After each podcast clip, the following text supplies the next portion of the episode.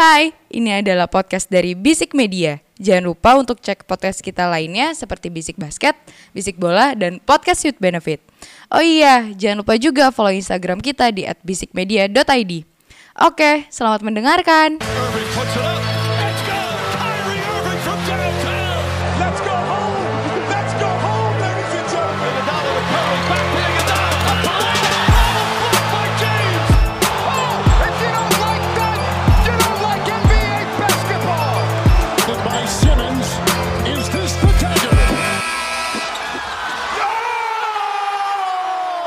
Yuhu, welcome back to Bisik Basket, podcast seputar basket NBA dan juga dalam negeri yang diulas secara santai sebagai pecandu basket. Candu, candu, kenapa Indonesia tidak berprestasi? Nah, sekarang hmm, gue pengen mau bikin bisik panjat tebing, speed climbing, Iya, sama uh, bisik weightlifting. karena bisik badminton aja udah. Ji, jangan nyenggol olahraga Eh sorry, oke, iya. heeh. Fansnya ngeri-ngeri. Sensitif ya. Hehehe. Tapi kalau ngomongin gak berprestasi, gue tuh ini Ji. Apa tuh? eh gue kan lagi seneng sama futsal ya. Maksudnya gue lagi Ya. ngikutin futsal Hmm. eh, timnas gitu. Ya. Karena futsal ada salah satu olahraga yang yang salah satu Digandrungi. digandrungin dan timnasnya agak moncer di Oh, agak beberapa moncer. tahun terakhir. Um, karena berprestasi ya it's quite menurut gua agak-agak berprestasi lah karena eh, kita salah dua yang terbaik di ASEAN, ranking 5 terbaik di eh, Asia Oke. dan peringkat 30 di dunia gitu. Hmm. But it's quite good kan untuk untuk untuk ranking olahraga yang yang cukup digandrungi gitu. Hmm, Dan liganya pun juga jalan. ya, betul. Nah, dari 2000 berapa ya? Dari 2020 tuh gue udah mulai agak ngikutin tuh. Maksudnya eh, ternyata eh, futsal itu lebih berprestasi daripada olahraga induknya. Kalau buat gue pribadi ya. Nah, terus gue merasanya bahwa ini nih kayaknya adalah salah satu secercah harapan dari titik kegelapan olahraga Indonesia gitu. Hmm. Selain badminton ya, badminton obviously emang selalu berprestasi ya. Mungkin baru akhir-akhir inilah agak meredup. Karena kan emang badminton itu kan olahraga yang apa ya? Emang nomor satu lah ya Ya, di Indonesia gitu yang bisa menghasilkan prestasi gitu loh. betul. Nah, futsal pun juga olahraga. Karena kita kalau di olahraga olahraga beregu tuh agak-agak sulit berprestasi kan. Basket betul. pun juga Betul. ya kemarin lagi bagus gitu. Kalau futsal kan kayak liganya Bentar, jalan. Kemarin terus- lagi bagus terus ke- apa ada apa sih? kemarin lagi bagus. Mm-mm. Terus Sekarang bagus aja. Oh ya, oke. Anjing nemu aja gitu. Berusaha untuk menjebak ya. Nah, terus em, futsal Indonesia ini lagi ini lagi eh, mencanangkan untuk karena dengan ranking tersebut eh prefederasi itu lagi mencanangkan untuk bisa lolos ke Piala Dunia untuk pertama kalinya. Oke. Harapan besar dong. Pun juga sepak bola ya Kalau ya. kalian ada yang deng ada yang ngikutin sedikit tentang futsal, ini kita ngomong olahraga dikit aja Ya, yang ya. dikit lah ya. Karena kan lagi hype-nya Asian Games nih. Harusnya Ya. hype ya. Ya. Oh iya, Asian Games by the way untuk pertama kalinya sejak 61 tahun terakhir Hmm. Filipina nyetak emas. Wow. Keren kan keren, Filipina kan keren. kemarin kita kalahin Iya. dua tahun lalu di Hmm. Vietnam. Ternyata udah ada Games ternyata udah emas. ada revenge team duluan ya sebelum Amerika Serikat ke Olimpik. Gitu maksudnya kan? Ja. Ah! nah, futsal itu kan lagi digandrungin karena Hmm. prestasinya cukup bagus. Ya.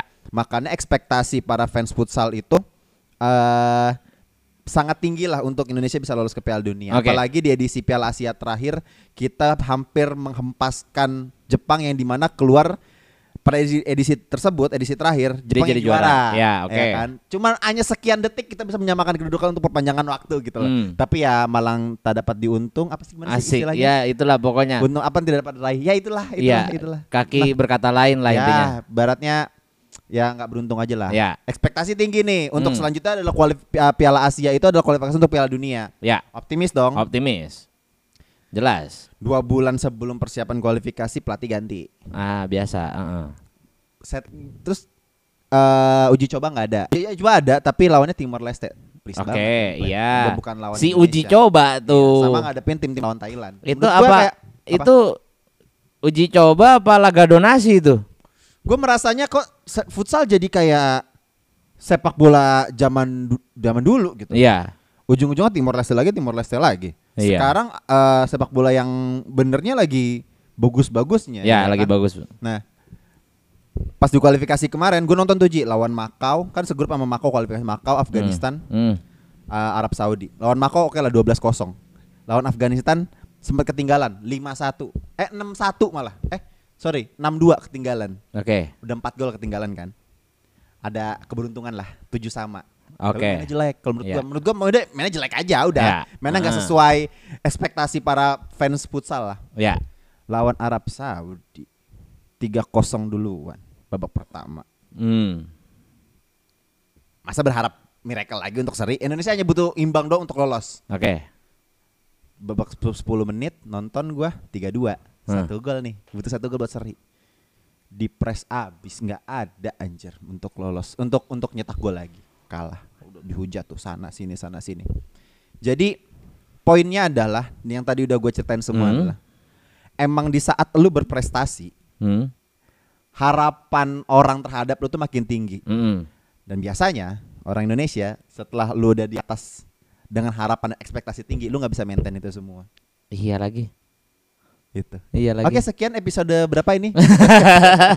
Enggak, Gitu. tapi itu ya kita sekalian eh, ngobrolin masalah basketnya juga ya karena Indonesia menurut gua harusnya bisa meraih satu kemenangan di basket ya di Asian Games kemarin. Cuman sayang banget Ah, kemarin kita ketemu mepet. siapa aja sih? Gue lupa deh. waktu itu tuh eh pokoknya ada dua tim yang emang pokoknya berha yang levelnya di bawah kita tuh cuma satu dan itu tetap kalah kita Qatar ya. di Qatar Oh, kalau kita nggak ketemu salah. Jepang, Deng. Iya kita ketemu Jepang Ketemu juga. Jepang sama I forgot satu lagi. Gue lupa. Pokoknya kita ketemu Jepang sama Qatar. Hmm. Qatar tuh kita beda cuman 8 apa 9 dulu. Iya iya iya betul betul yang yang lu Iya. ceng-cengan gitu kan. Iya. Em, malah menurut gue perempuannya nih yang bagus nih. Kalau perempuannya Hmm. kan Iya. kalau nggak salah di fase grupnya tuh ketemu China. Ch- China tuh perempuannya ranking 2 dunia men. Jadi kalau menurut gua kalah hampir 40 poin menurut gua ya ya mau bagaimana lagi tapi ya Iya. ambil pelajarannya aja gitu. Kalau menurut gua. Kalau perempuan apalagi eh kan kemarin abis juara divisi B ya. Ya. Jadi otomatis lolos ke divisi A yang di mana di situ ada Australia, ada China, ada Jepang, Ya. um, Filipin juga mungkin. Kalau Filipin kita juga udah bisa ngalahin kan Ya, kemarin di SEA Games kan. setidaknya ya. Menurut gua kayaknya kita masih ada harapan gitu. Jadi Ya. menurut gua uh, ASEAN Games Tiongkok kemarin bisa menjadi pelajaran banyak sih. Ya, Tapi betul, kalau betul basket, banget. Ya, ya begitulah. Oke, kita ngomongin basket lagi lanjut aja. Iya, oke, boleh usah boleh boleh. dikenalin, Udah Iya. seperti biasa sama gue sama Ramzi Alam Eke Dozi Peke Komen Kerem Jeke Jontor Jeger Jeger Jeger. Boom boom boom. Wak wak wow. Wem Oke. wem wem wem. Ji. Bukan wak wak wow dong sekarang. Wem wem wem gitu. Wem wem wem. Jiji, emang boleh se-cheat code itu? Ah iya. Secit cut itu anjing. Bahkan lu kalau lu main 2K ya, Ah. lu nggak bisa bikin build kayak dia anjing. Ah, Apa nggak bisa ya? nggak bisa, Cuk. Pasti jadi gini, akan ada wingspan itu ibaratnya kalau wingspan lu tinggi dan badan lu Pasti terlalu akan tinggi. ada yang lu korbankan. Yes, jadi biasanya shootnya jelek. Lah ini kok bisa semua? Ya, emang boleh se-cheat code itu. Iya. Anjing, Emang tuh kayak uh, 24 bisa pakai game sak ya sekarang ya? iya, makanya mm-mm. Oke, NBA is almost back. Mm-mm. Udah beberapa kan eh, seminggu ini udah ada beberapa game preseason yang Yes. di mana eh, menarik banget dan semua pertandingan preseason ini melibatkan pemain-pemain inti dari semua tim eh, beberapa tim di NBA. Ya, di beberapa Kayak- gamenya. Kayak Lakers dan Ya. kemudian Suns juga udah eh, mengeluarkan eh, LeBron sama AD untuk main. Ya, Warriors juga- juga, udah menemukan dinamik duo barunya. Iya, dan agak-agak ini Warriors tuh agak ini ya. Maksudnya kembali ke small ball tapi somehow it works gitu. Ya. Maksudnya walaupun emang senternya Kevin Looney nih. tapi eh, trio CP3 eh, Curry. Curry dan juga Clay itu works ya. Mm-mm. Enggak, eh, bukan kuartet sih, gue masih hitung Draymond Green deh, kayaknya dikit deh, Ah, dikit, dikit siapa? aja, dikit Siapa? aja. Nah, Nggak oh enggak. Oh iya, oke siap, siap. Tapi menurut gua semua semua tim di NBA itu benar-benar apa ya? Melakukan persiapan preseason ini benar-benar dengan sangat matang. Maksudnya uh, preseason ini menunjukkan bahwa emang semua kualitas pemain di timnya itu benar-benar diperlihatkan gitu. Kecuali Betul kayak sekali. mungkin tadi ada Suns sama kalau nggak salah kemarin ada uh, Suns eh sorry uh, Spurs menghadapi uh, Portland. Ya, Yang Portland. di mana itu kan kedua tim yang terlihat tanking. Ya, Tapi terlihat. emang emang bener-bener berprogres itu dan Ya. menurut gua Suns sama Portland terlihat sangat confidence banget mereka Ya. untuk menghadapi NBA uh, musim NBA. But talking about Sun- Spurs Ji, tadi lu udah ngomongin tentang Wem, wem, wem, wem. wem, wem, ya kan. Uh, gua nggak gua lupa uh, di kolom komentarnya siapa ya. Kan Authentics ID kan Koiril kan nge-share uh, battle-nya antara Spurs kalau nggak salah ya di preseason pertama itu. Ya. Spurs itu menghadapi OKC. Ini kan menarik nih pertemuannya antara Wembanyama dengan Charlton Green yang di mana uh, Charlton Green kan uh, statusnya kan sebagai rookie ya karena musim Hmm, kemarin walaupun hmm. dia di draft musim kemarin dia baru main musim ini Geli. musim kemarin dia full nggak main ya kan? Kayak mengingatkan masih apa ya Uh, uh, uh, itu nama pemainnya ini uh, Yang udah bisa fadeaway itu kan? Wah, wah, wah, ya tembak tapi masih tangan miring, tangan miring, anjir. But it's good for him lah. Oke, ya, Ben warm up-nya selalu 3 point tapi gak tahu kalau pas in game.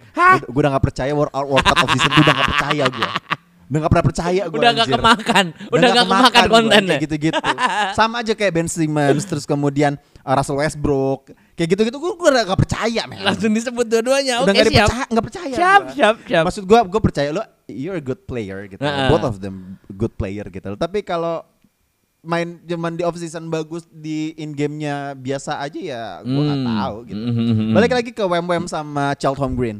Ini di kolom komentar di akun salah satu akun gue lupa kayaknya Authentics deh. Iya. Ada yang bilang Battle of Sticks man anjing banget.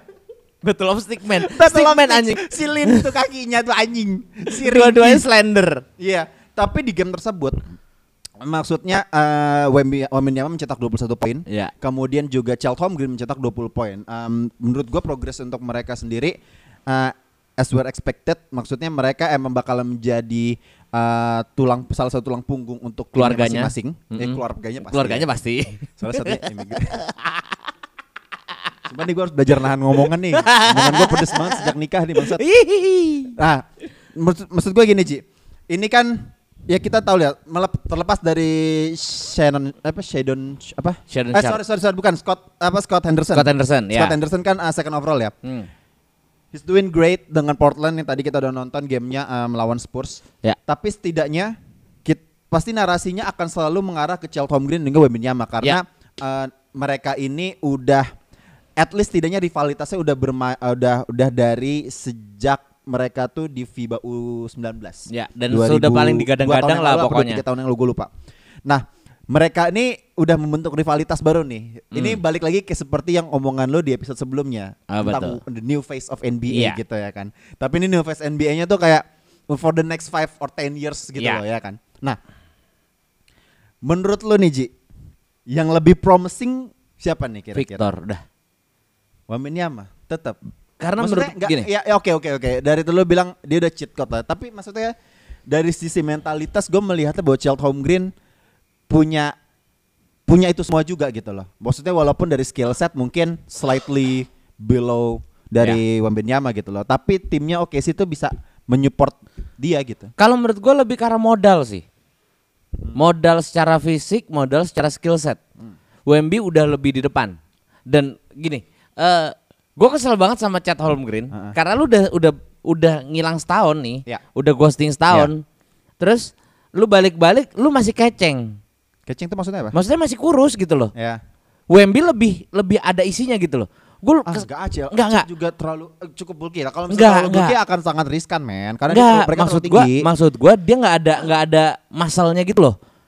Wemby tuh masih ada masalnya.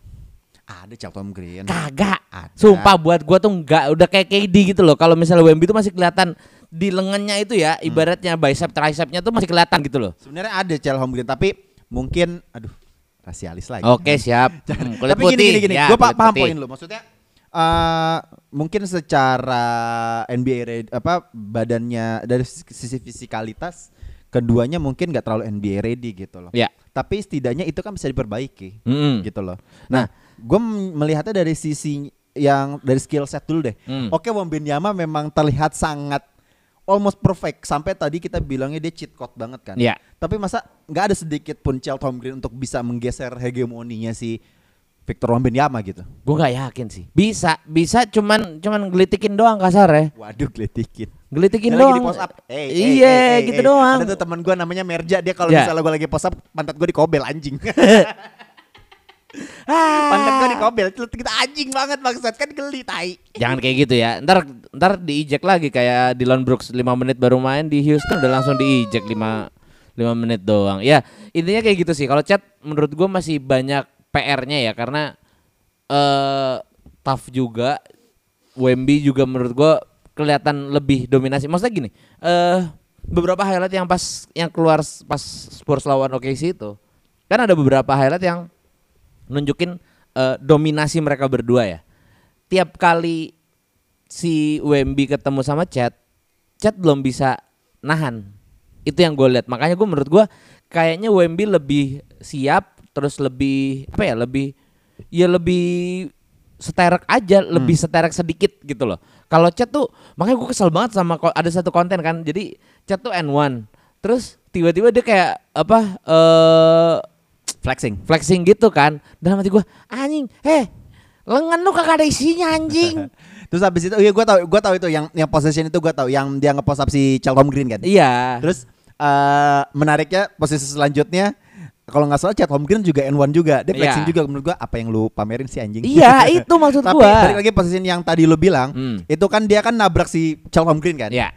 Si Chat Home Green melakukan pembelaan di kolom komentar Instagram siapa gitu gue lupa. Nah. Dia bilang, "Oh, eh emang headbutt itu diperbolehkan ya di NBA. Jadi emang sebenarnya tuh si Wembanyama tuh kayak kelihatan ngepost up, cuman Hah. tuh ternyata kayak dia nyundul si Cheltenham Green. oh kayak gitu.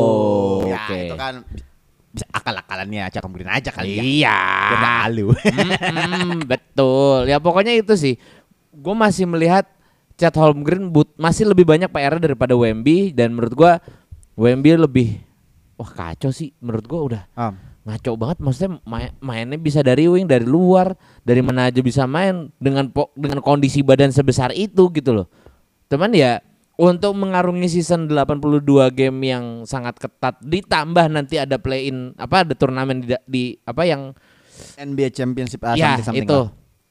menurut Oh, gua itu, itu mekanismenya gua nggak tahu. Mungkin kita bisa bahas ntar di off Iya. kali ya. Nah, menurut gua Wemby akan sangat keteteran banget kalau misalnya dia tetap main seperti itu gitu Hmm, loh. Akan harus lu harus lebih fokus sih maksudnya capek sih. Lu juga ma- masih punya Socan, masih punya si Vesel. Menurut gua mereka juga Sedih. iya, mereka masih apa ya?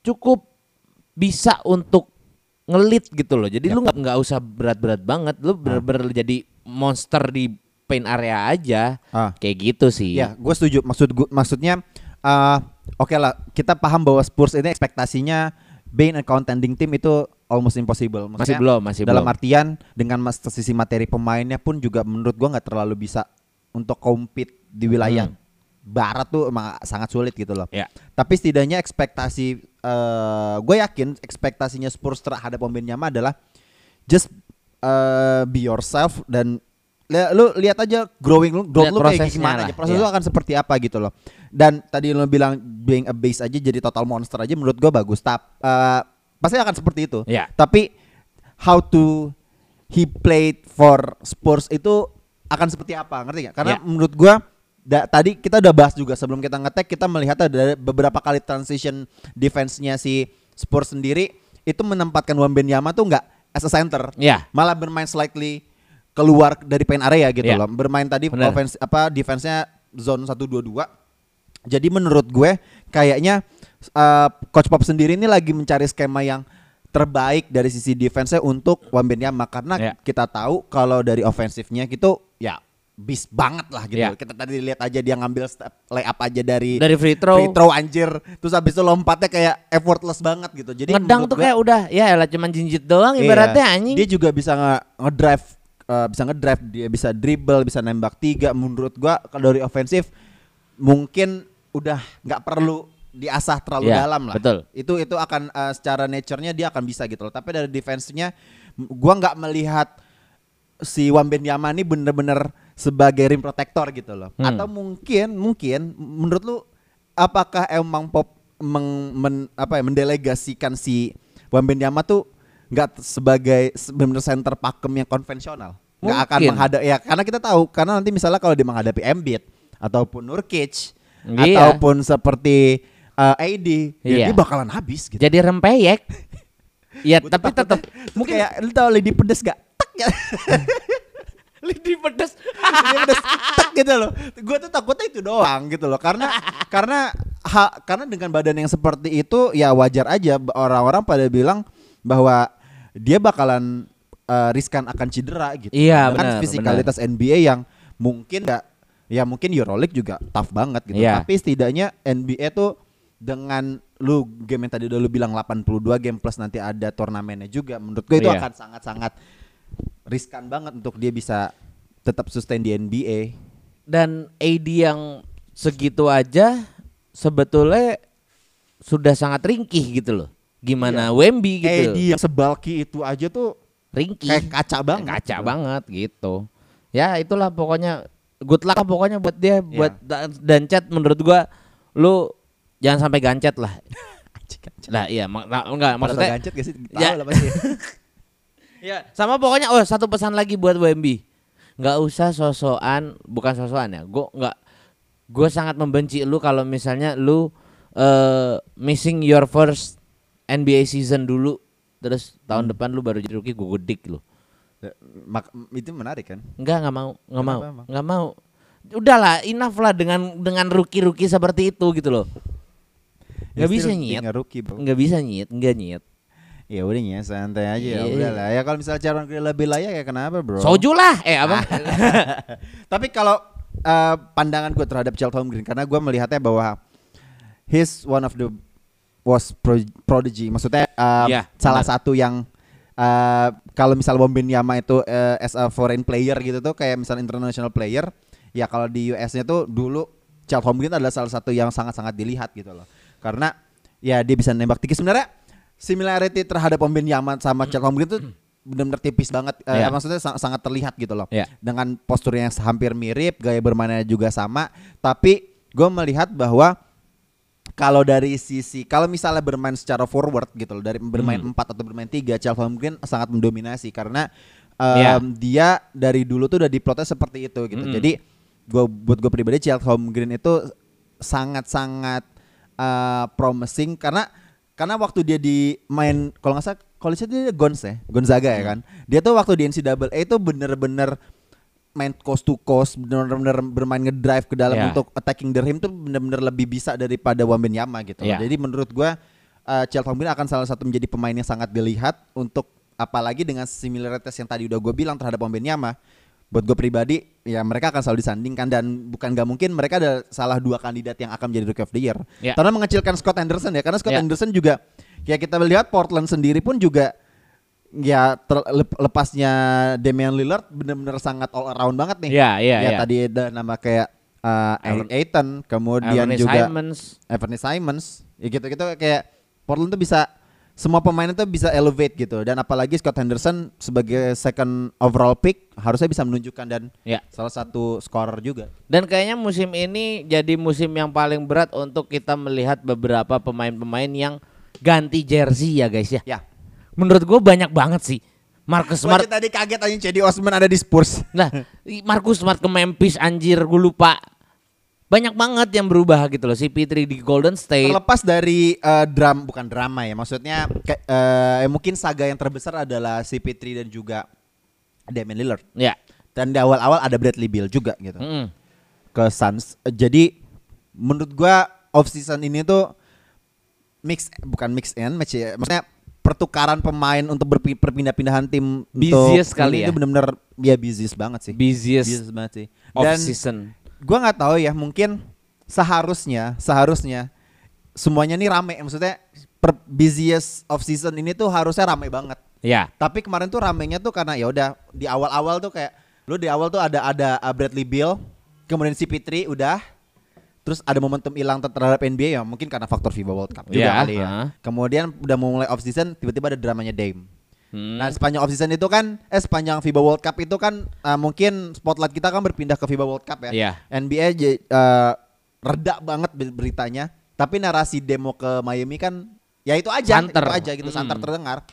Tapi ujungnya pindah ke Bucks ya, ya udah itu aja sih. Dan sebenarnya yang paling saga Sebenarnya yang pergerakan-pergerakan kecil Iya. yang tadi gue udah bilang gitu kayak Watanabe ke Suns, kemudian si Eric Gordon tiba-tiba ke Suns juga. Iya. Gitu. Iya sebenarnya saga yang paling sebenarnya saga yang saga kunci yang menurut gua underrated ya. Drew sih.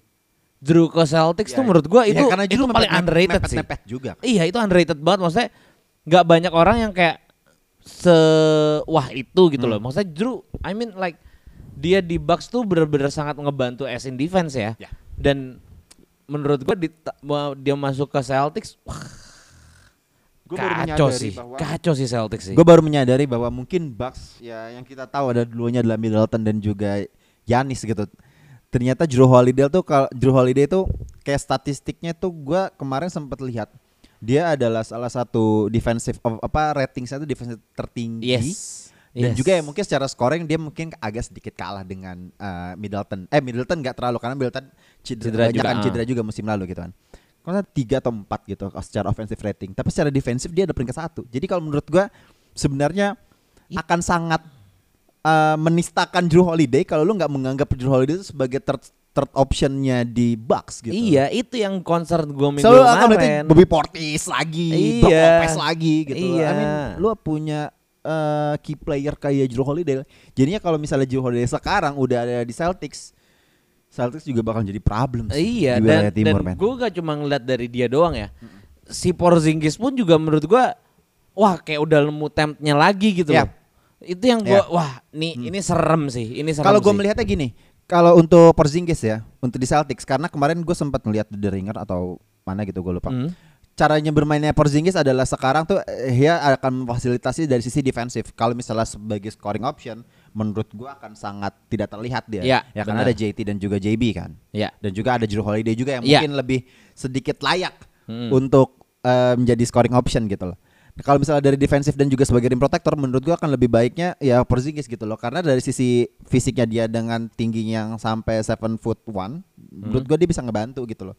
Masih ada Al Horford gak sih? Eh, Kalau kalau kalau satu lagi? misalnya memang Siapa sih satu lagi senternya? Williams. Williams the third. Kan udah Robert cabut, Williams the third udah cabut. Eh Ya, itulah. Siapa yang ini yang nge apa ngeblok 3 point dari free throw?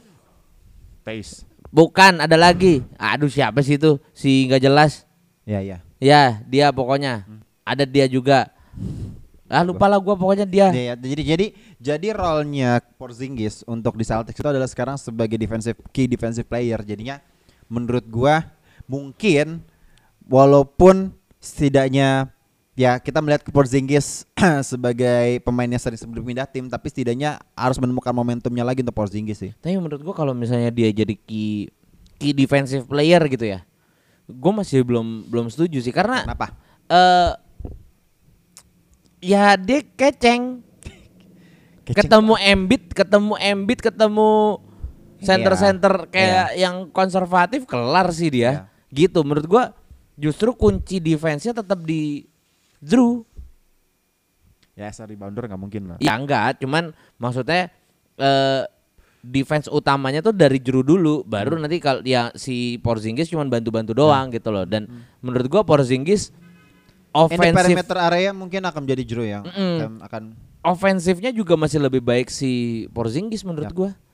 Ya f- fluid banget sih dia Yap. soalnya. Ya gitu. makanya sebenarnya mungkin reaksi sebenarnya Celtics ngambil Drew Holiday itu sebenarnya ada reaksi dari trade box kali ya. Yes, betul, betul. Iyalah, maksud gue em, melihat bahwa eh Bucks akan menjadi sangat ancaman untuk di wilayah timur Ya, dan mungkin eh, Celtics juga menjaga momentum ya. untuk mereka menjadi salah satu yang terbaik di wilayah timur setelah 2-3 tahun terakhir. Hmm. Menurut gua ya Celtics kalau menurut gua nih semuanya pemainnya lagi di usia matang. Maksudnya Iya. Jason Tatum dan Jalen Brown ini benar-benar lagi di usia yang Prime. peak-peaknya lah mereka ya kan. Apalagi eh, kemarin se- mereka sempat di NBA Finals, kemudian sempat gagal juga eh, musim lalu. Jadi Experience-nya udah cukup. iya, mereka di Western Conference Final kan kemarin kan setelah dikandaskan Miami Heat kan. Mm-mm. Iya maksud gua momentumnya mereka dua tahun terakhir tuh bagus banget, bagus, Iya. bagus banget. Nah, eh jadi buat gua untuk Boston Celtics udah bukan proses lagi ya win now or nothing gitu. Iya. Betul, betul, setuju. Dan setuju. Drew Holiday mungkin missing pieces yang kebetulan banget nih ada pemain sekali berjuang holiday masa iya sih nggak gue Iya. ambil ya kan Iya. Dan Ya malah- Malcolm Brogdon dada dada Iya, dan malah menurut gua justru si si Bucks yang Ya. akan ngerasa sangat kehilangan terhadap Drew Drew Holiday walaupun Karena kita emang nggak melihat missing piece dari sisi defensifnya ya. Iya, iya nggak lu nggak ada nggak ada nggak ada improvement di situ gitu loh. Menurut gua malah lu kehilangan Drew Holiday agak-agak ya gue tahu offensive threat-nya akan akan sangat besar sekali dari dari Bucks. Cuman as in defense masa semuanya mau jadi Kalau ini ya? misalnya di ofensif kita nggak akan ragu karena gue gue sempat baca sih, maksudnya dari sisi ofensifnya Bucks gitu ya. Dari di di paint area dan di ya di dalam eh, di dalam perimeter dan sampai paint area itu udah makanannya Giannis gitu. Iya, betul. Nah, Giannis ya harus di double team atau misalnya dijaga tiga orang untuk benar-benar keblok gitu orang. Mm. Maksudnya benar-benar dihentikan gitu. Iya. Nah, setelah narik dua tiga orang pasti kan perimeter kosong banget. Iya, betul. And there's Dam- Damian Lillard di sana gitu. Jadi menurut gue Iya. kayak Iya. akan ada opsi yang sangat variatif banget untuk Tapi Bucks gini, bermain gitu tapi loh. gini Dari ya. defense iya. Hey. ya gimana ya gue belum bisa melihat juga Blueprint seperti itu kan sebenarnya sudah dicoba sama satu tim dari yang paling Bronx lah pokoknya. sih. Sebut saja. Brooklyn Nets. Oke. Ya kan? Blueprint blueprint dengan trio yang Darderdor itu. Oh, no, no, no, maksud gue gini. Iya, lanjutin dulu deh. Ya, maksudnya blueprint dengan trio Darderdor yang lu nggak punya depth team, Ya. terus lu offensive ratingnya bener-bener sangat-sangat gila, Hmm. tapi lu sangat mengkorbankan si Hmm. defensive rating lu, itu jadi gagal gitu loh. Hmm. Ya mungkin memang gagalnya ya karena satu dua lain hal drama-drama Udah sebut aja problematik kan. iya problematik ini apa Pakai satu dan drama-drama udah problematik. Iya, udah pro- siapa sebutin. problematik bumi datar. Dah selesai ya. Bilangnya kai itu lah. Iya betul. Ah, kan tapi kan dia udah senang sama Doncic lo. Sekarang kenapa ya? iya, dia udah udah udah udah tenang dia sama Doncic Iya. gitu loh. Tenang aja. Masa iya sih? Ih, ya tapi menurut gua Doncic sama Kai Kai bakalan eh belum ada ininya ya. Maksudnya mereka ada media day-nya gue belum sempet. preseason ada gak sih? Eh, ada mereka Ada, cuman ada. mainnya di kayak mereka mainnya di game di luar negeri deh. Iya iya iya di iya. Di global di Qatar kalau nggak salah. Abu Qatar Dhabi apa? Qatar Abu Dhabi, ya? kayaknya. Lupa. Abu Dhabi apa Paris? Eh, gue lupa iya. Ya Paris, itulah itulah. pokoknya. Nah itu maksud gua blueprint seperti ini di mana offensive threat lu sangat besar dan defensive rating lu sangat rendah itu tuh nggak works gitu loh. Menurut gua agak-agak riskan juga sih buat Bucks tapi ya worth the try dan menurut gua eh, ketiga pemain ini Chris Middleton, Giannis sama Dame menurut gua ya mereka cukup dewasa lah tidak se nggak apa ibaratnya self actualizationnya nggak sebesar actualization. Iya, self- Self mata kuliah bangsat. self actualizationnya tidak sebesar Kyrie yang pengen lihat ini loh gue gitu loh Ya, ya, ya, ya. gitu menurut gua Tapi kalau misalnya defense bagus, offense bapuk, offense wins the game defense wins the title gokil.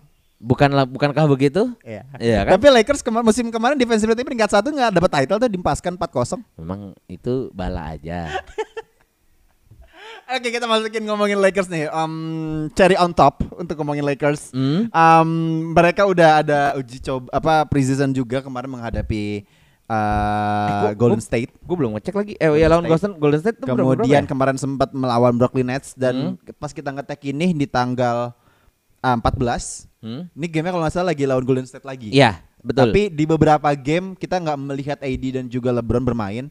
Kalau nggak salah di game melawan Brooklyn AD sama LeBron nggak main. ya Singet gue ya. Tapi mel- ma- oh di lawan Golden State mereka juga nggak main. Hmm. Eh, baru di game gue lupa di Las Vegas dia against siapa gue eh, gue gak, lupa. oh dua hari yang lalu ketemu Kings Oh ya melawan Kings nah itu LeBron sama AD main tuh. hmm. Nah, eh Pak, gue menyoroti yang pas melawan Brooklyn Nets ya. Maksudnya melawan Brooklyn Nets dan juga melawan Kings. Hmm. The draining threes everywhere. ya oke baik Mereka benar-benar memperbaiki three pointnya, persentasenya bagus banget, ceplak-ceplok banget lah. Ibaratnya itu basah tuh becek gitu ringnya sama three pointnya Lakers. Oh, Lo udah optimis mau untuk Lakers musim ini karena somehow eh, perombakan hampir total itu sangat-sangat riskan untuk sebuah tim ya. hmm. But eh inje- apa so far Lakers dari beberapa game di preseason they look promising gitu loh. Menurut lo gimana? Eh, Kan makanan lu nih kalau Lakers nih ya kan. Gue bisa Game terakhir sampai ini- 15 menit lah dengerin lo ngomongin Lakers. game terakhir ini sih ya. Ini barusan banget gue liat IG story-nya nih. Los Angeles Lakers 125 Golden State Warriors 129 Oke. sih. Ya, tough loss lah. tough loss ya. Tapi menurut gua gini, dengan lebih matangnya Austin Reeves, Mulainya dari dia lagi anjing. ya buat apa gua mulai dari LeBron sama AD? Di lo kredit lah. Ya di lo gue kredit Tolong. deh. Ya enggak maksud gua gini. Mulai dari gini, Austin Reeves. Anjing. Bukan masalah itu. Di Enggak, lo Austin itu anjing ya maksud gua. Lu Iya, gua yang anjing kan Iya. emang. Di lo itu memang sudah sepatutnya untuk berada di atas sama si AD sama LeBron. Makanya gue biarin. Hmm. Gue nggak nggak gue ya memang sudah seharusnya lu tuh step up gitu loh. Hmm. Nah makanya gue bilang dari second unitnya aja gitu loh. Austin Reeves terus Oh si menurut lo Austin Reeves second unit? nggak maksudnya di di luar tiga kingdom tersebut gitu loh. Ini orang salah mulu gue Iya, jadi gua mau main framing aja coba Ya, oke, coba siap. coba. Ya coba. Ah. Gua ya kan udah nggak lama udah nggak melatih lu self defense terhadap Lakers kan. Ayo dong. Ya coba gimana gimana. Ya Austin Reeves. Oke, dari second unit. Mm-mm. Terus juga ada eh siapa nih?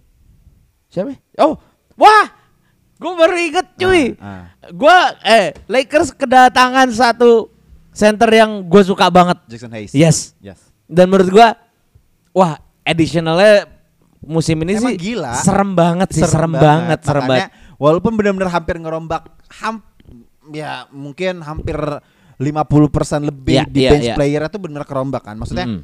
Cuman ada di sana tuh masih ada di musim kemarin masih ada cuman Vanderbilt eh, masih ada. Vanderbilt, Mm. kemudian Rui. juga ada Rui dan juga ada Max Christie. Ya, yang Max mirip Christie. sama Kobe. Mm-mm. Muka setengah mukanya ke bawah. Ya betul. Ya itu. Eh Hanya itu. terus ada siapa lagi ya? Only them. Ya ya ya. Ya Semuanya hampir nggak ada. udahlah. Ketambahan Gabe Vincent. Ya. Kemudian juga kedatangan Jackson Hayes tadi dibilang ada Christian Wood di sana. Mm-mm. Udah. Maksudnya modalnya Lakers tuh bagus banget gitu. Iya. Tinggal ya oke lah. Kekalahan yang di hari ini melawan Golden State menurut gua Ya, satu dua sembilan satu dua lima ya walaupun bukan. Maksud gua ya oke lah present nggak apa-apa. Tapi kan lu udah mengeluarkan semua semua yang lu punya nih sekarang. Iya. lu nunjukin bahwa kapasitas lu nih sekarang seperti ini. Modal gue seperti itu mengarungi musim reguler. This is the way we play. tapi gitu gue menyorotinya bahwa ya udahlah maksud gua mungkin Darvin Ham lagi mencari rotasinya seperti apa dalam Betul. artian Setuju. eh, aset yang melimpah ini akan di- akan dikulik dan dikemas seperti apa untuk mengurangi musim reguler dan Karena ya buat gue sih rotasi sangat-sangat penting ya karena lu ketem, lu punya banyak banget aset yang kayak ya Christian Wood terus si siapa si Rui itu menurut gua cara mainnya kurang lebih sama gitu loh. Yap. Lu nggak lu nggak nggak punya center sama-sama ibaratnya dari first unit sama second unitnya. Lu nggak punya center yang bener-bener firm. Bisa dibilang seperti itu. Lu nggak punya center firm yang kayak just like kayak zaman dulu lu masih ada Dwight Howard sama JaVale McGee gitu loh. Sekarang tuh lu lebih main di empat dan menurut gua sebenarnya cukup gitu loh. Cukup banget dan lu mainnya bisa lebih fluid gitu loh. Hmm. Intinya itu sih dan menurut gua udahlah intinya kuncinya tuh di AD satu, di Dilo, Mas LeBron udah tinggal leha-leha aja. Ya bukan leha-leha juga ya maksudnya I mean like come on, lu udah year 21.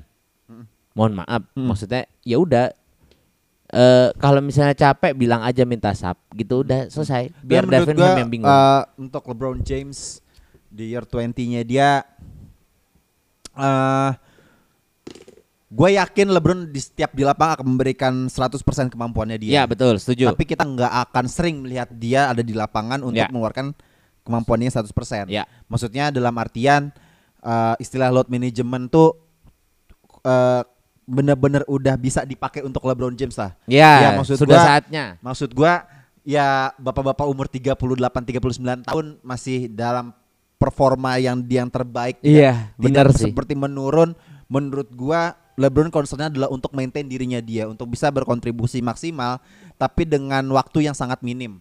Maksudnya ya setiap gua di lapangan ya gua maksimal 100% gitu loh. Iya. Tapi mungkin gua nggak bisa setiap saat di lapangan. Mungkin setuju, seperti setuju. itu. Minute playnya mungkin akan sedikit dikurangi.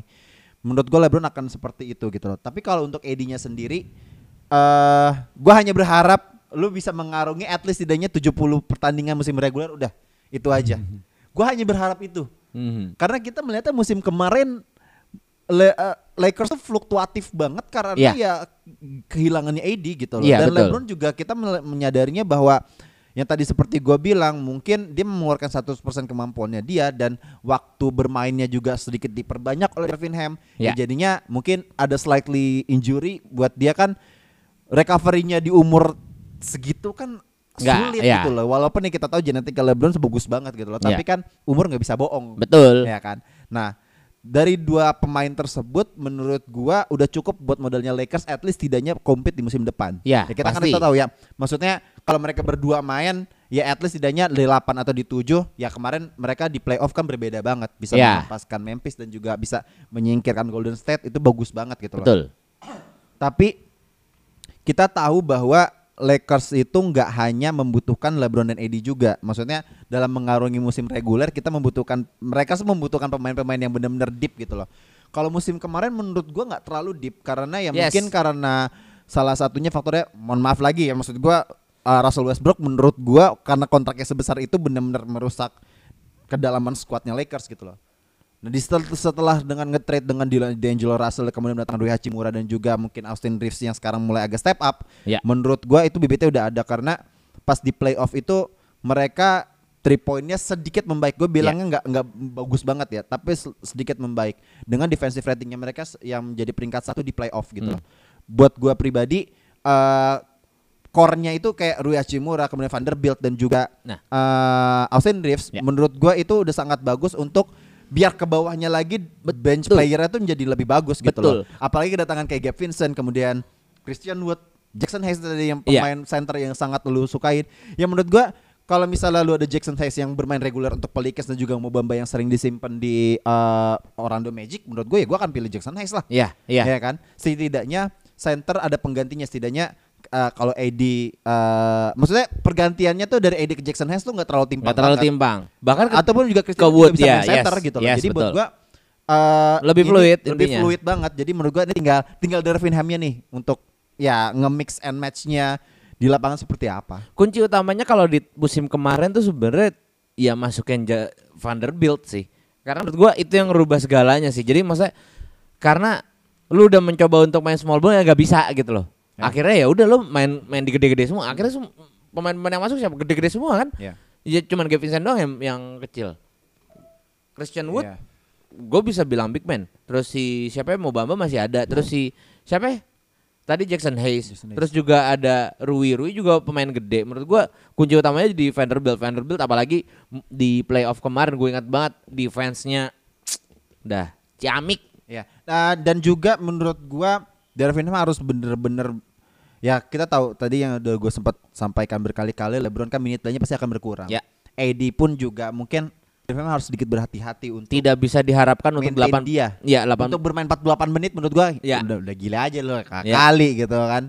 Nah, eh, menurut gua Darvin Ham musim kemarin sangat-sangat takut untuk memainkan bench playernya dan memberikan menit play yang banyak. Ya. Contohnya nggak pede ya. nggak pede banget karena menurut gua karena gini kita tahu Lonnie Walker kapasitasnya bagus banget Ya. gitu di, di Spurs dulu dia tuh bagus banget waktu zaman rambutnya masih Iya, iya masih gitu. Ingat banget gue kan. Hmm. Sampai momentumnya adalah kemarin. Lu masih ingat gak di playoff LeBron Walker the fourth quarter Iya. yang dia bisa 12 13 poin Ya. di quarter tersebut Ya. yang three poinnya bagus banget. Ya.